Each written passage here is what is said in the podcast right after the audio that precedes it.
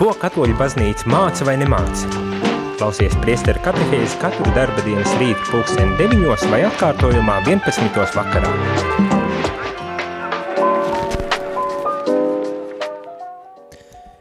Labrīt, labrīt, rādījumā arī klausītāji, šeit es priesteris Jānis Meļņikovs.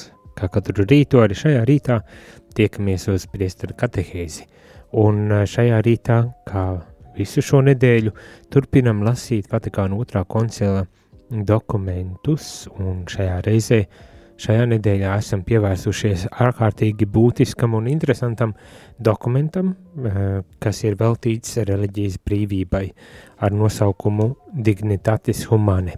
Mēs tā ļoti, ļoti lēnītiņām lasām šo dokumentu uz priekšu, jo tā viņš šķiet katra atziņa, ka šeit šajā dokumentā ir eh, pateikta, uh, ir tā vērts, lai ieklausītos un tiešām varbūt tās pārdomātu, eh, kādā veidā tad šīs atziņas ietekmē manu dzīvi, manas attieksmes, manu uzvedību, eh, manu dzīves veidu, gribas tāpat varbūt teikt.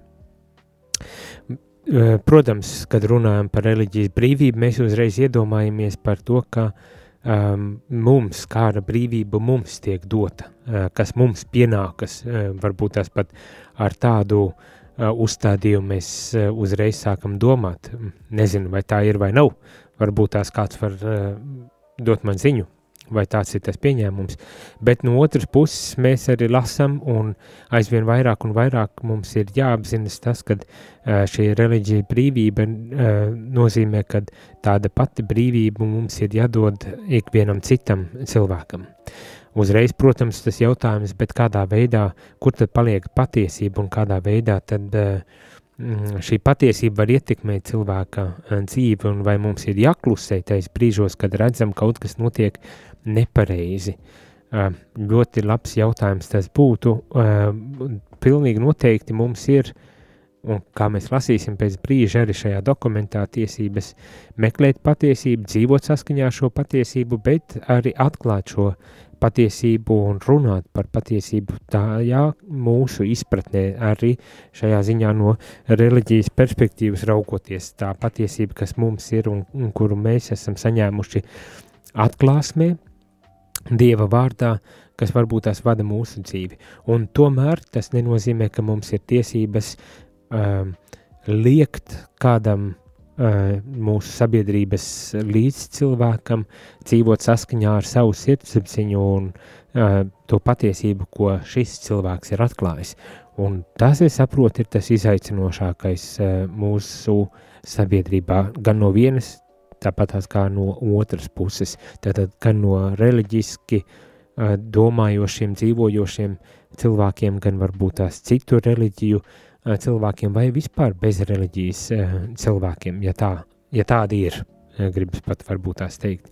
Jo ir arī, ir arī uzskats par to, ka varbūt tās tie sekulārie uzskati un principi, kas teorētiski vismaz cenšas norobežotos no reliģijas, dažbrīd paši kļūst par tādu reliģisku um, um, ideju un, un domu kopumu, kas organizē un vada mūsu dzīvi. Līdz ar to, vai mēs e, spējam e, patiesi būt nereliģiski cilvēki, tas ir cits jautājums. Bet, nu, jā, iespējams, ka klausās kādi, kas var daudz labāk nokomentēt šo aspektu. Uh, Tas ir ievads tam, ko mēs šorīt darīsim. Turpināsim lasīt uh, šo Vatikāna otrā koncila dokumentu uh, par reliģijas brīvību, dignitātes humani, un pievērsīsimies tad arī um, uh, tātad, ko baznīca kā pamatu saka attiecībā uz šo reliģijas brīvību.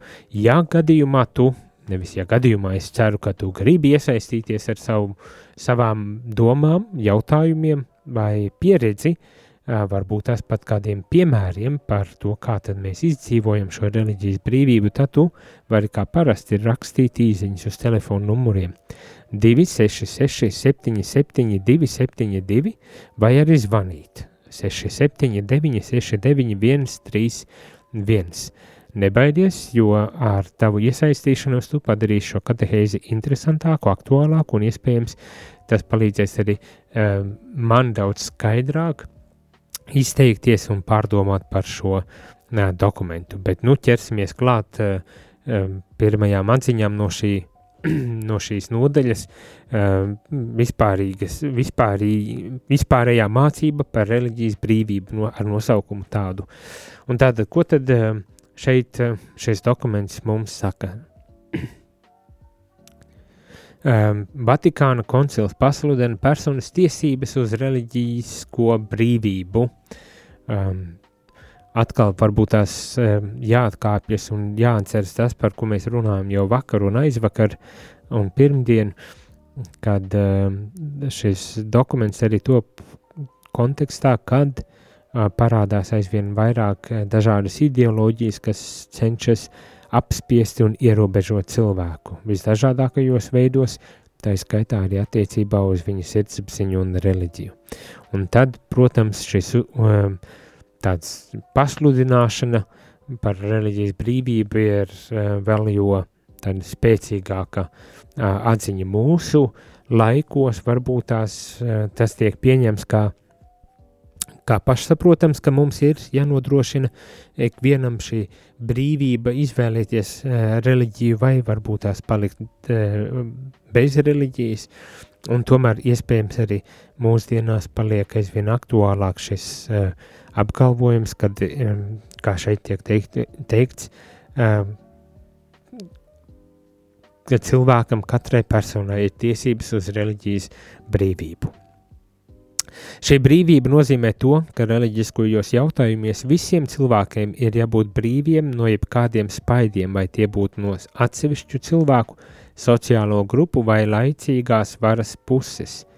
Reliģiskajos jautājumos, jautājumos neviens nedrīkst tikt spiests rīkoties pret savu sirdsapziņu, ne arī traucēts rīkoties saskaņā ar savu sirdsapziņu ne privāti, ne publiski, ne vienatnē, ne kopā ar citiem, ievērojot pienācīgās robežas. Tātad, jā, šī tik ļoti vienkārša atziņa, ka uh, reliģiskā brīvība tātad nozīmē to, ka uh, mēs nedrī, mums nevar tikt uh, uzspiests nekas, vai varbūt tās arī uh, no otras puses arī liekts, vardarbīgā veidā liekts vai uzspiests mums tas uh, šajā ziņā tas šķiet ļoti skaidrs. Um, un tas attiec gan uz individiem, individu uh, attieksmi pret uh, reliģiski domājušiem cilvēkiem, tāpatās kā uh, kaut kādas sociālās grupas, un, protams, arī vara, tad politiskās partijas, piemēram, arī nevar ies, uh, ie, kā teikt, iejaukties cilvēka reliģiskajā brīvībā, nosakot to, kam tad ticēt vai neticēt. Uh, un kas ir, manuprāt, arī ļoti spēcīgi, kad nedrīkst tikt spiests rīkoties pret savu sirdsapziņu, ne uh, arī traucēt rīkoties saskaņā ar savu sirdsapziņu.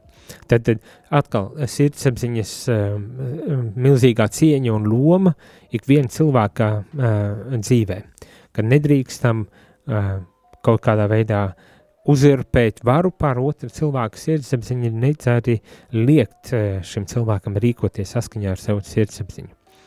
Uh, Citviet pāvests Francisks arī ir teicis par to, ka uh, baznīcai priesteriem ir uh, jāaudzina, jāformē sirdsapziņa, nevis tā jāaizstāj, jo dažreiz tāds uh, priekšstats sabiedrībā ir izveidojies, kad, nu, baznīca un priesteri ir tie, kas tad Mm, tā kā ārējā sirdsapziņa darbojas uh, par kristiešu, par katoļu, par ticīgu cilvēku dzīvi, bet tā tas patiesībā nav. Katram, katram cilvēkam, arī ticīgam, arī katolim vai kristietim kopumā ir jāuzņemas sava atbildība, kas ir balstīta viņa personīgajā uh, sirdsapziņā. Tas, kad šo sirdsapziņu vajag, kā minēju, audzināt, formēt, veidot, Um, tas varbūt tās ir arī um, uzdevums, kas mums ir uzticēts un ko mēs nevaram noliegt, bet tomēr, nu, kā teikt, beigu beigās cilvēkam ir jābūt brīvībai, atbilstoši savām izpratnēm un labākās, un labākās um, pēc labākās gribas, tad arī um, dzīvot un veidot savu uh, dzīvi, savus, savus principus, uz kuriem balstīties, izdzīvojot savu dzīvi. Un to nedrīkstam nekādā veidā tajā iejaukties, uh, apspiest, uzspiest vai liekt, uh, kā mēs lasām šajā uh, dokumentā. Reliģisko brīvību pamatā ir cilvēkam kā personai piemītošā cieņa, ar kuru iepazīstina atklātais Dieva vārds un kuru var iepazīt ar cilvēcisko prātu.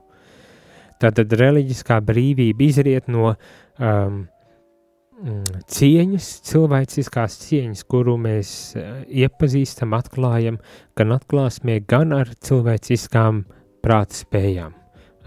Tas arī varbūt tās nav nekāds jaunums, uh, bet uh, atkal un atkal ir jāuzsver un jāizceļ un varbūt tās um, jāierāda pienācīga cieņa un, un, un vieta arī šim uh, apgalvojumam, arī tā skaitā mūsu laikos, diemžēl, uh, kad piedzīvojam šos postus un nelaimes karus un visādas tādas lietas, bet ne tikai karus, arī ideoloģiskās cīņas, kas sabiedrībās varbūt tās arī notiek, vai ne, kad cilvēka cieņa, cilvēka cieņa ir pamatu pamats, uz kā tad arī balstās šīs reliģiskās brīvības princips, ko baznīca tik ļoti arī cenšas uzsvērt. Šīs personas tiesības uz reliģisko brīvību ir jāatzīst konstitucionāli ar pamatlikumu, kas regulē sabiedrības dzīvi tā, lai tās kļūtu par cilvēku tiesību sastāvdaļu. Un šeit arī būtiska atziņa par to, ka ir jābūt likumdošanai, pam, valsts pamatlikumiem veidotiem tā, lai reliģijas brīvība tiktu iekļauta un, un lai būtu skaidri uh, noteikta uh, arī šajās valsts pamatlikumdošanā, lai apzinātos, ka tā ir uh, cilvēku tiesību arī uh, sastāvdaļa. Man pat gribētos varbūt tās domāt, ka tāda uh, cilvēku tiesību pamats Eh, cilvēktiesību pamats, eh, uz kura tad mēs eh, balstāmies un kas, kas pieprasa un garantē savā ziņā arī šo uh, cilvēka sirdsapziņas neaizskaramību, cilvēka brīvības um, neaizskaramību uh, aiz, aizķeros vārdo šajā gadījumā. Nu tālūk, um, tā kā ļoti spēcīgi uzstādījumi pamat tādas atziņas, uz kā mēs balstamies eh, un, un kuras eh, šis Vatikāna dokuments, eh, ja baznīca, teiksim tā, piedāvā cilvēkiem. Tas nozīmē, jā, reliģiskā brīvība kā cilvēku tiesību um, pamats, ko vajag um, regulēt vai ko vajag arī ietvert konstitūcijās, tātad likumdošanā, kas tad garantētu to, ka cilvēki var brīvi pēc savas sirdsapziņas bez uh, spaidiem un, un, un varas izdzīvot savu, savu pārliecību. Iesim muzikālā pauzē. Ar tādu dziļu elpas ievilkšanu iesim muzikālajā pauzē, jo, manuprāt, šeit ir pateikts tādas pamatlietas, bet lietas, kuras ir vērts pārdomāt, un varbūt tās eh, domāšanas eh, procesā rodas arī jums, radījuma arī klausītāji, kādas atziņas pārdomas, vai varbūt tās piemēri tam, kā jums ir izdevies izdzīvot šo savu reliģisko brīvību, vai varbūt tās gluži otrādi, kur jūsu reliģiskās brīvības tiesības ir bijušas pārkāptas, traucētas vai vai kaut kādā veidā varbūt tās pat liektas, droši padalieties. Vai, ja ir jautājumi, nebaidieties jautāt. Rakstiet īsiņas uz telefona numuru 266, 77, 272 vai zvaniet 679, 691, 31. Pēc muzikālās pauzes būsim atpakaļ un tad risināsim arī šos jautājumus, pārdomas, piemērus vai lasīsim, turpināsim lasīt Vatikāna dokumentu. Jūs klausāties priesteru katehēzi par ticību, baznīcu, garīgo dzīvi.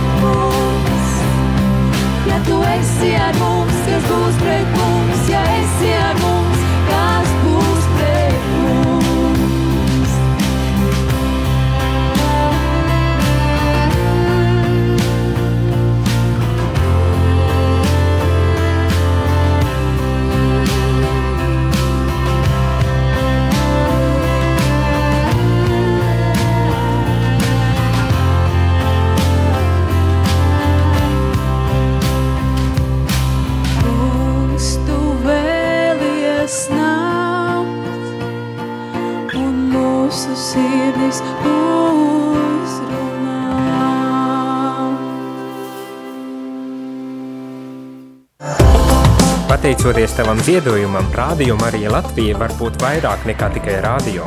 Zvani uz ziedojumu tālruni 900 67 69. Maksa par zvanu 4,27 eiro.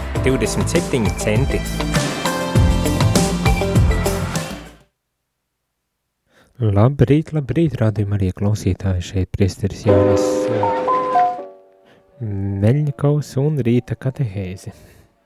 Kā mm, katru rītu ar šajā rītā rīta katehēzi, kurā tad runājam, turpinam sarunu par reliģisko, reliģijas brīvību eh, sabiedrībā dokumentā, Vatikāna otrā koncila dokumentā Dignitatis Humane.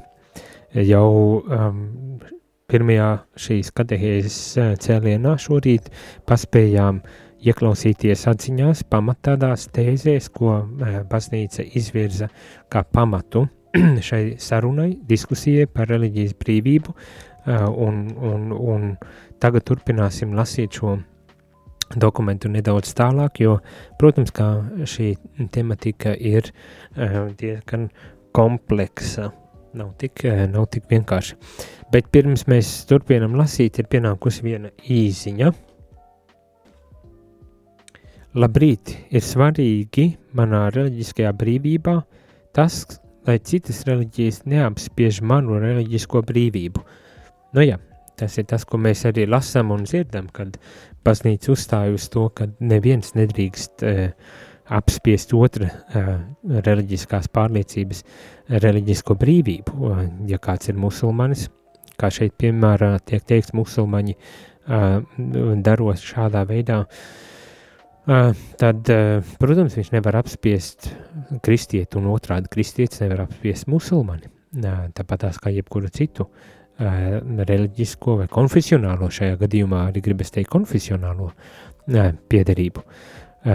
Un, un tas, šis vienmēr ir tas milzīgi sakaitētais jautājums, nu, cik tālu es eju um, mēģinot varbūt tās atklāt patiesību, un šeit es domāju, uh, drusītiņi um, tā kā pēdiņās cenšoties to izdarīt kā vēsturiski, un ar šajā ievadā šim dokumentam priesties Pauls norāda, ka pat ar varu uh, šo patiesību uzspiežot. Mūsdienās mēs jau esam izauguši gana uh, tālu, lai saprastu, ka tā, tas, tā šīs lietas nevar kārtot. Uh, Un tā šīs lietas nevar kārtot arī tajā ziņā, ja es gribu, lai manas reliģiskās brīvības tiktu atzītas, kad es tagad varētu uzurpēt varu pār otru cilvēku brīvībām, reliģis, reliģijas vai cita veida brīvībām.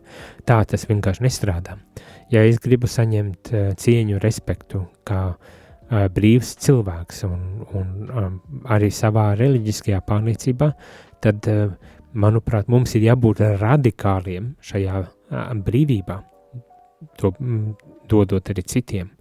Un tas nav viegls jautājums, kā es jau vakar šķiet minēju, kad tad, kad mēs sākam runāt par patiesību, tad neskādēļ mēs esam arī šeit akmentiņš ne tikai musulmaņi, bet arī katoļu un kristiešu kopumā un, un citu reliģiju uh, lauciņā, kad mums neskādēļ šķiet, ka tad mēs varam arī, um, kā teikt, uzspiest un, un vardarbīgi pasniegt savu pārliecību kā vispatiesāko, pareizāko, liedzot un atņemot cilvēku sirdsapziņas arī brīvību un, un pārliecības brīvību, bet uh, saprotam, tā tas nestrādā. Tā mēs nevaram rīkoties un mēs prasam reliģijas brīvību, bet apzināmies arī to, ka uh, mūsu rīcība ir tā arī, kas dod citiem uh, viņu reliģijas vai pārliecības brīvību, un, un tā ir cilvēciska uh, pamat vērtība un tiesības, kuras nedrīkstam liekt nevienam. Tā kā jā, es šeit piekrītu, ka neviena reliģija nedrīkst apspiest, uh, Uh, un tas neatiec tikai uz citiem, bet arī, kad mēs runājam, ka neviena nedrīkst apspiest, tāpat tās, ka nekas nedrīkst apspiest mūsu vērtības, tas attiec arī pretējā virzienā. To vienmēr paturam prātā, domājot par šiem jautājumiem. Nebūt nevienmēr viegliem jautājumiem, uh, bet lasam tālāk arī šo dokumentu. Saskaņā ar cieņu, kas piemīt visiem cilvēkiem, jo viņi ir personas, tas ir uh, apveltītas ar prātu un brīvu gribu, un tādējādi ar per personisko atbildību pati viņu daba mudina un, un morāliskais likums tiem uzliek par pienākumu meklēt patiesību. Tā saka šis dokuments. Sak, tā kā cilvēks ir radīts, un, un viņam ir, viņš ir apveltīts ar prātu un brīvu gribu, tad viņam ir arī personiskā atbildība uzņemties pienākumu meklēt patiesību. Tad šī uh, viņa daba, cilvēka daba un arī morālais likums uzliek par pienākumu meklēt patiesību. Un šis ir tas aspekts, ka, kurā mēs, mēs kas ienes tādu nedaudz spriedzi, manuprāt. ne tikai tas, ka sabiedrībā, mēs esam ļoti dažādi cilvēki ar visdažādākiem uzskatiem un principiem, ka tā dažādība ir spriedzes avots, bet arī tas, kā, kur mēs balstāmies uh, savā pārliecībā, reliģijas pārliecībā, tā skaitā. Kā, kāds ir, kāda, kādā veidā mēs izp, izprotam šo patiesību un līdz ar to kā tas ietekmēs arī mūsu attieksmi, mūsu dzīvesveidu, bet arī mūsu attieksmes pret citiem cilvēkiem. Ja. Bet eh, šeit tiek uzsvērts un izcelts tas, kad mums ir dotas prāta, spējas un griba, lai arī spētu meklēt šo patiesību un tad saskaņā ar to arī dzīvotu. Eh, Tāpat pienākas arī pieņemt iepazīto patiesību un visu savu dzīvi pakārtot tās prasībām. Tā saka šis dokuments.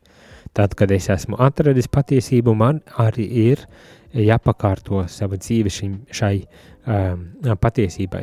Bet kā jau vakar dzirdējām, patiesība nekad nav vardarbīga. Tā ir, uh, um, tā ir gribas teikt tā, maiga un ar savu uh, tādu, ar patiesības autentiskumu arī pārliecinoša. Un tādā gadījumā es arī gribēšu dzīvot saskaņā ar šo sevis atklāto uh, patiesību. Mm? Tad uh, tā nevar būt vardarbīga. Patiesība nevar būt vardarbība, vardarbīga, ja tā ir vardarbīga, tā nav patiesība. Uh, gribas tāpat uh, teikt.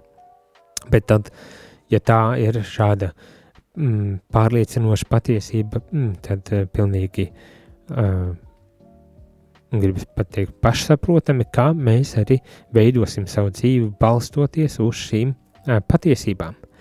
Tālūk, šo pienākumu savai dabai atbilstošā veidā cilvēks spēs izpildīt tikai tad, ja viņi būs iekšēji brīvi, kā arī brīvi no ārējiem spaidiem. Un šeit ir uh, vēl viena tā būtiskā sadaļa, par ko, um, kas liek mums aizdomāties, vai ne, ka uh, mēs, mēs spēsim uh, pieņemt šo patiesību un to, uh, kā teikt, izdzīvot mūsu dzīvē, padarīt par mūsu dzīves pamatu, ja mēs būsim iekšēji un arī ārēji uh, brīvi. Iekšēji brīvi, bet arī brīvi no jebkādiem ārējiem spaidiem, uh, uh, varas ietekmēm un uh, spiedieniem. Ne.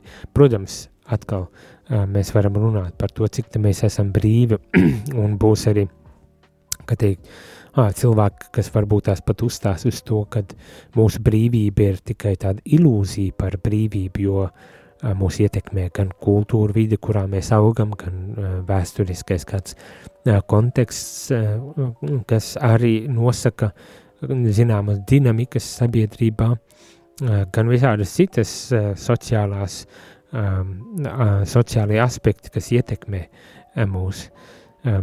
Protams, var, varam arī šādā veidā paskatīties uz, uz šo jautājumu, un tomēr, un tomēr uh, kā teikt, veselīga brīvība, kuru mēs, kuru mēs esam spējīgi arī noraidīt, varbūt tās kaut kādas lietas, kad, kad esam tās apzinājuši, kad tad mums ir garantēta un nodrošināta gana lielā brīvība, kas ļauj mums arī šo patiesību pieņemt un izdzīvot, es mīlu teikt, autentiski, bez spaidiem, bez uzspiešanas vai, vai vardarbīgā veidā. Tātad, pamatā, tie, pamatā tiesības uz reliģisko brīvību ir nevis personas subjektīvā nostāja, bet gan pati cilvēka daba. Mm?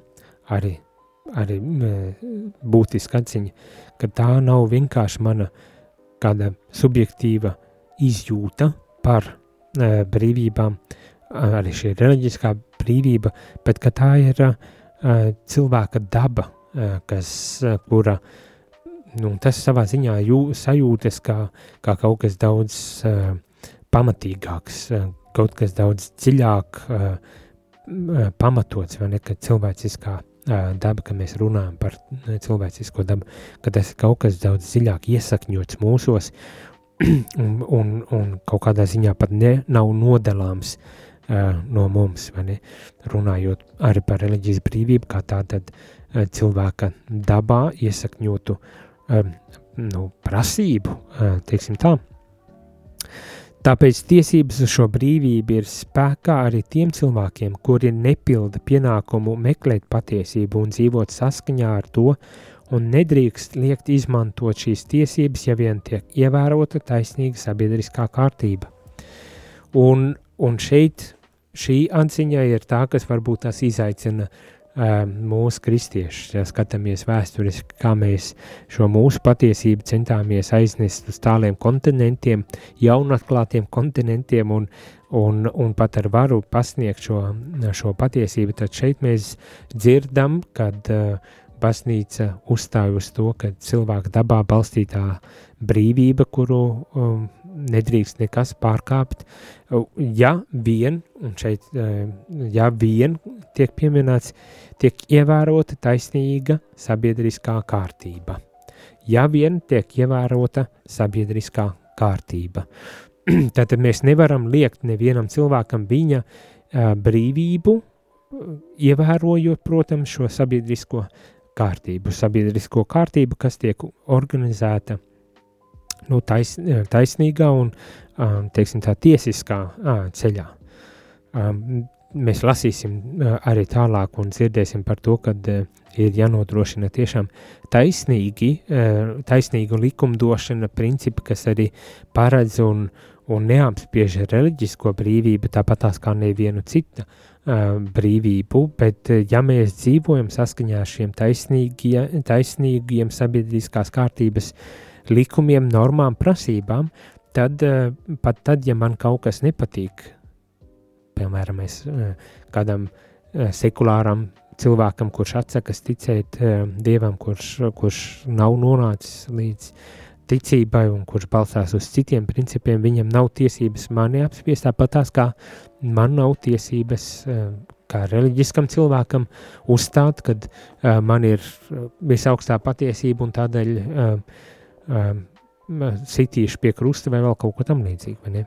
Bet, bet šis, šis nu, ir tas aspekts, kur, kur, kur mums vajag pārdomāt, jo no vienas puses mums ir šīs brīvības, mēs atklājam patiesību, mēs uh, sirdsapziņā to uh, balstāmies šajā patiesībā un cenšamies to arī izdzīvot, bet no otras puses ir uh, tie jautājumi, kā ir, cik, cik daudz un kā es varu atklāt arī citiem šo patiesību, un es domāju, rādījumā arī Latvijā arī to dara, cenšas uh, ar gan šim katehēzim, gan ar daudziem citiem raidījumiem runāt par uh, mūžīgo, par vērtībām, par, par patiesību un, un ar šo runāšanu nebārdarbīgā veidā, tad varbūt tās parādīt un atklāt uh, šo patiesību. Un cilvēkam, otram, tas, kas klausās, vai kurš sadzird mūs, tad arī pieņemt lēmumu, vai, vai šī patiesība ir pārliecinoša,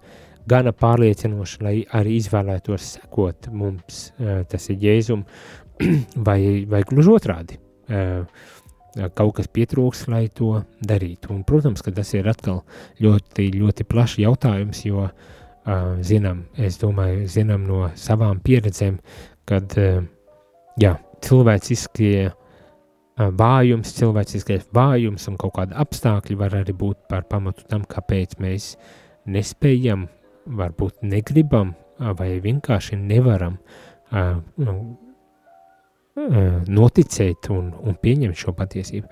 Jā, bet tas, tas varbūt tās ir pat arī drusku cits jautājums. Es tikai tā provokatīvi mēģinu pateikt, ka par to mums ir jādomā.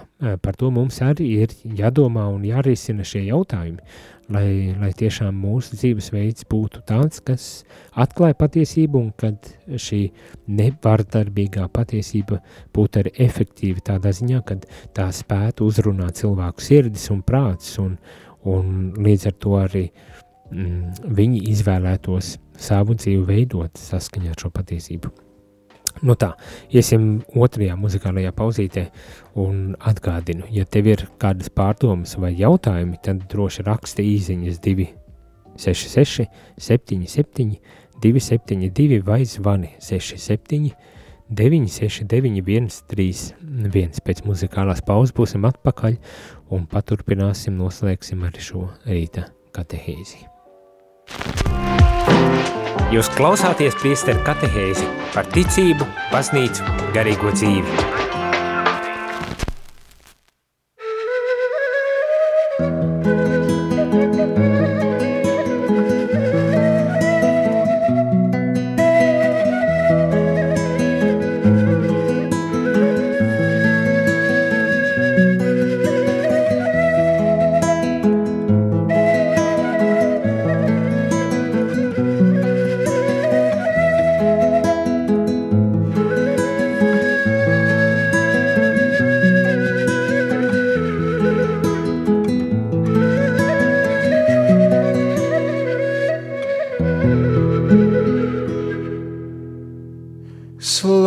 Dievu viņa svētajā vietā, slavējiet to viņa spēka cietoksnī, slavējiet to viņa varenības dēļ, slavējiet to viņa bezgalīgā diženuma dēļ, slavējiet viņu ar bazūnes skaņām, slavējiet viņu ar ģitāru un kokli, slavējiet viņu ar timpāniem un gavilēm, slavējiet viņu ar stīgām un stabulēm, slavējiet viņu ar šķindošiem dejušķīvīšiem, slavējiet viņu ar skaņajām cimbalām, visi, kam dvāša, slavējiet kungu.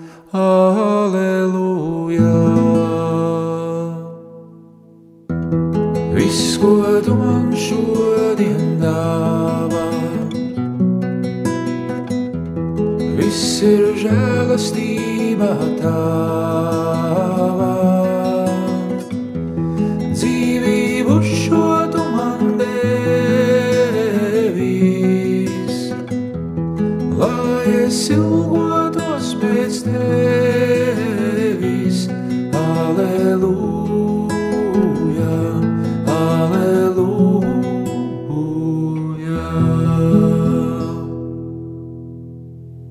Slavējiet Dievu viņa svētajā vietā, slavējiet to viņa spēka cietoksnī, slavējiet to viņa varenības dēļ, slavējiet to viņa bezgalīgā diženuma dēļ.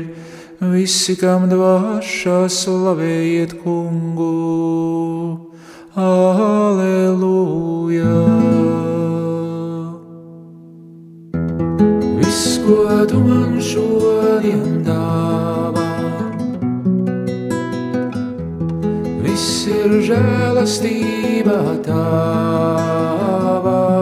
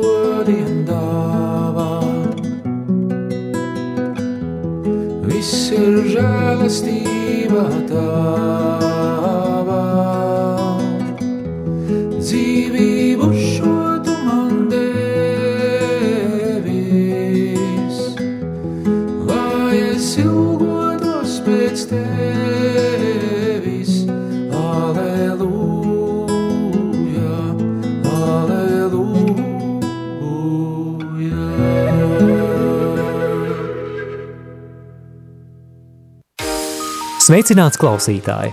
Ja tu dzirdi šo aicinājumu, visticamāk šī radiostacija tev ir kalpojusi stiprinot ticību un palīdzot ikdienā iet kopsolī ar baznīcu. Tas ir bijis iespējams pateicoties daudzu brīvprātīgu pūlēm un klausītāju ziedojumiem. Aicinu tevi iesaistīties Radio Marija Latvijas misijā, ziedojot radio pastāvēšanai. Tikai tā šī radiostacija varēs turpināt kalpot dievam un cilvēkiem arī turpmāk. Mēs zinām, ka daudziem no mums šis laiks ir izaicinošs arī finanšu jomā. Tomēr katrs ziedotais cents radio Marija darbībai ir ieguldījums tajā, kas ir nezūdošs. Lielas paldies par katru ziedojumu! Lūdzamies jūsu nodomos ar apakstuļa Pāvila vārdiem, lai Dievs dod jums visādu žēlastību, ka jums ar vienu ir pilnīga iztikšana un vēl pietiekoši pāri paliek labiem darbiem.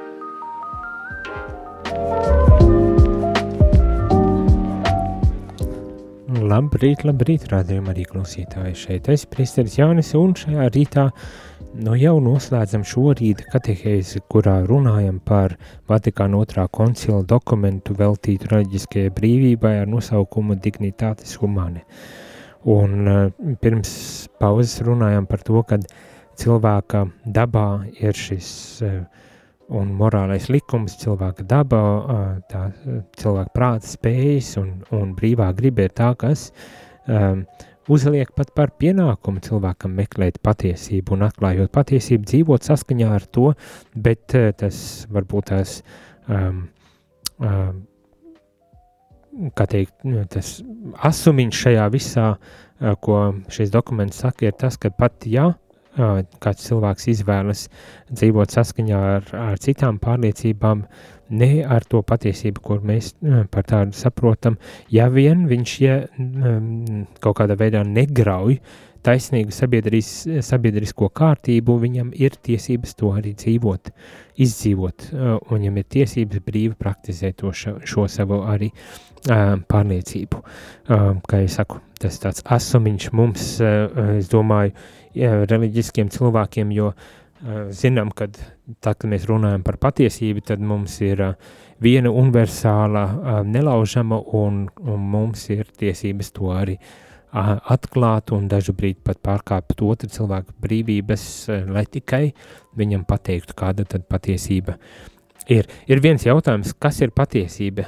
Ja var noformulēt un izskaidrot, ir dzirdēts, ka katram ir sava patiesība, varbūt tā ir kaut kāda universāla patiesība.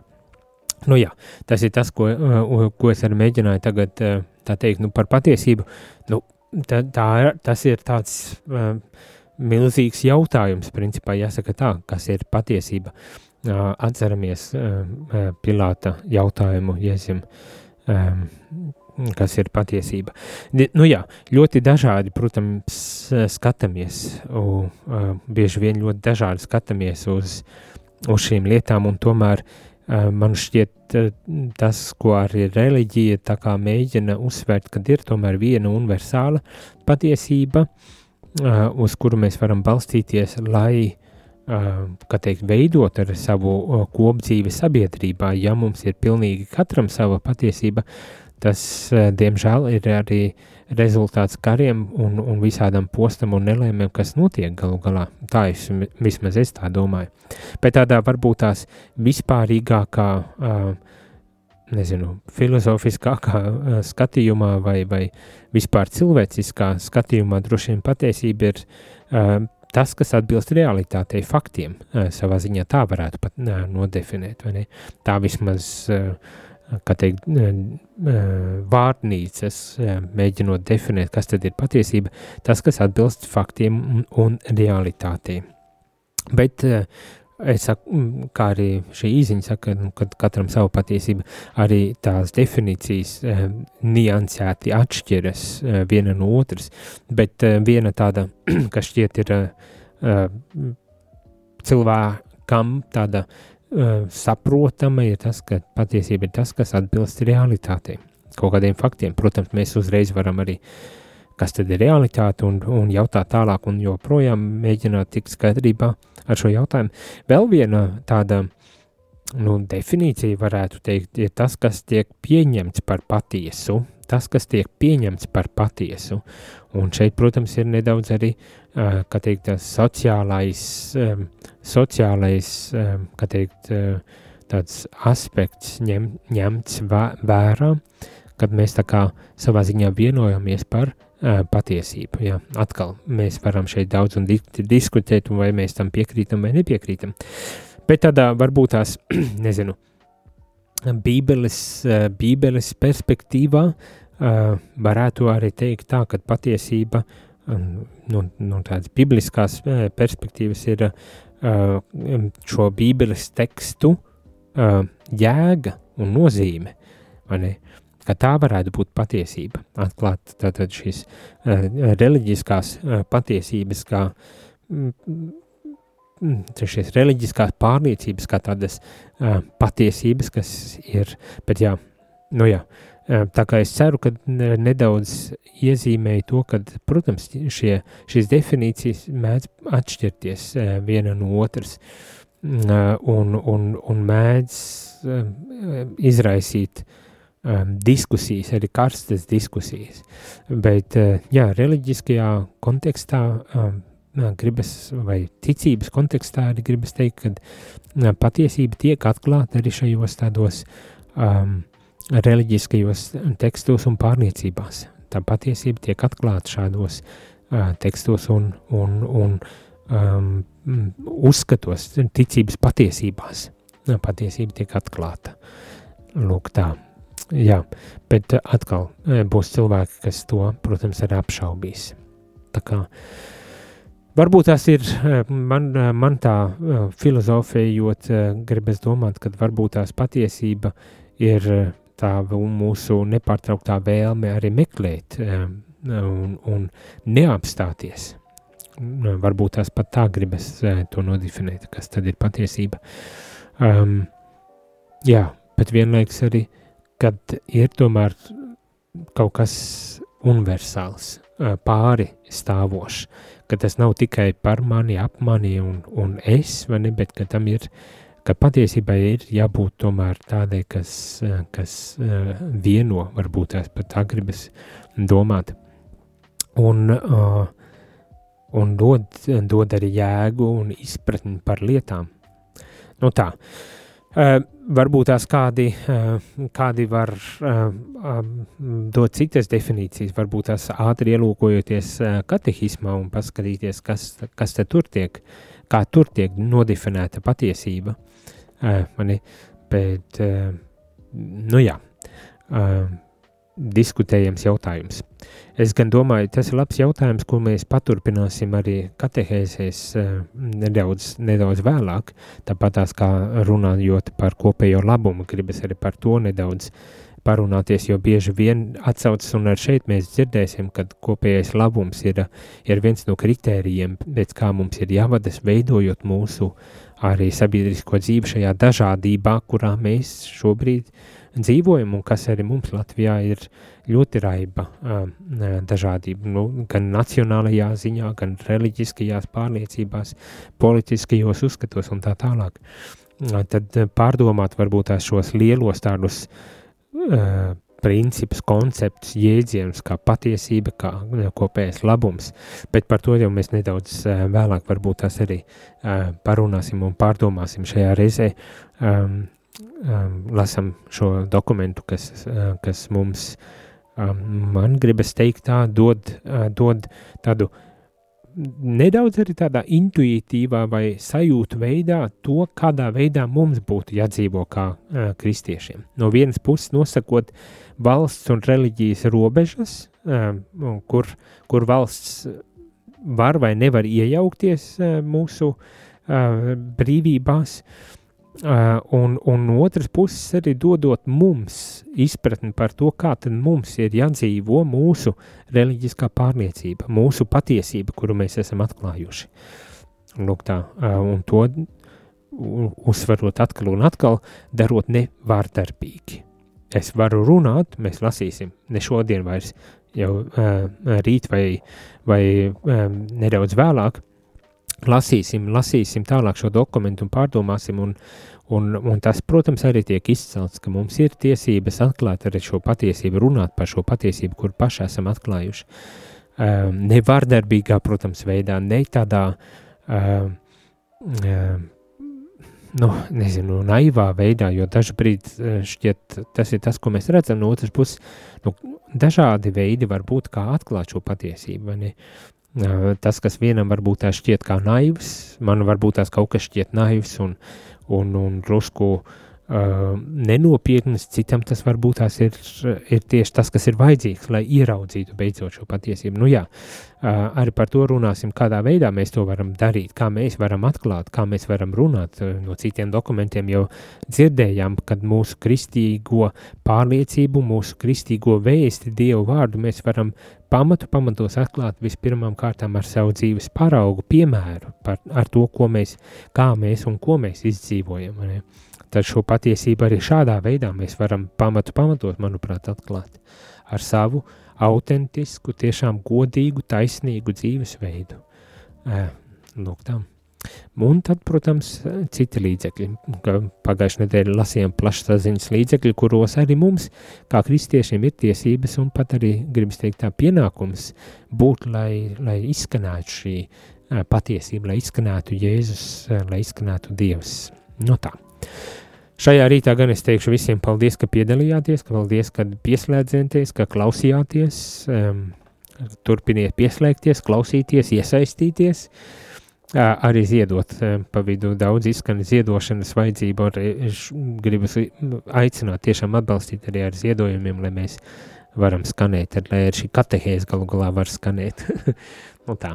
Bet tiekamies jau pēc brīža rīta katehēzē, kad pārdomāsim varbūt tās arī um, ne tikai šos teoloģiskos uh, jautājumus, bet arī jebkuru citu jautājumu, kas jums uh, ir uz uh, sirdīm un prātos uh, par radio lietām vai, vai vispār cilvēciskā uh, formātā. Tā kā nekur nepazūdam pēc uh, pauzes atgriezīšos rīta cēlienā, kur tad paturpināsim sarunu par dažādākām tēmām, arī par to, kādā veidā tad cik daudz cilvēku klausās mūs, kā, kā tas tiek noteikts un cik daudz uh, ziedo, nu, ja es mācīšu atbildēt. Bet, nu jā, tas būs rīta cēlienā, tagad gan, lai visiem ir skaists šī ceturtdiena, uz tikšanos jau rīt no rīta. Jūs klausījāties priestera katehēzi, kas ir iespējama pateicoties jūsu ziedojumam. Paldies!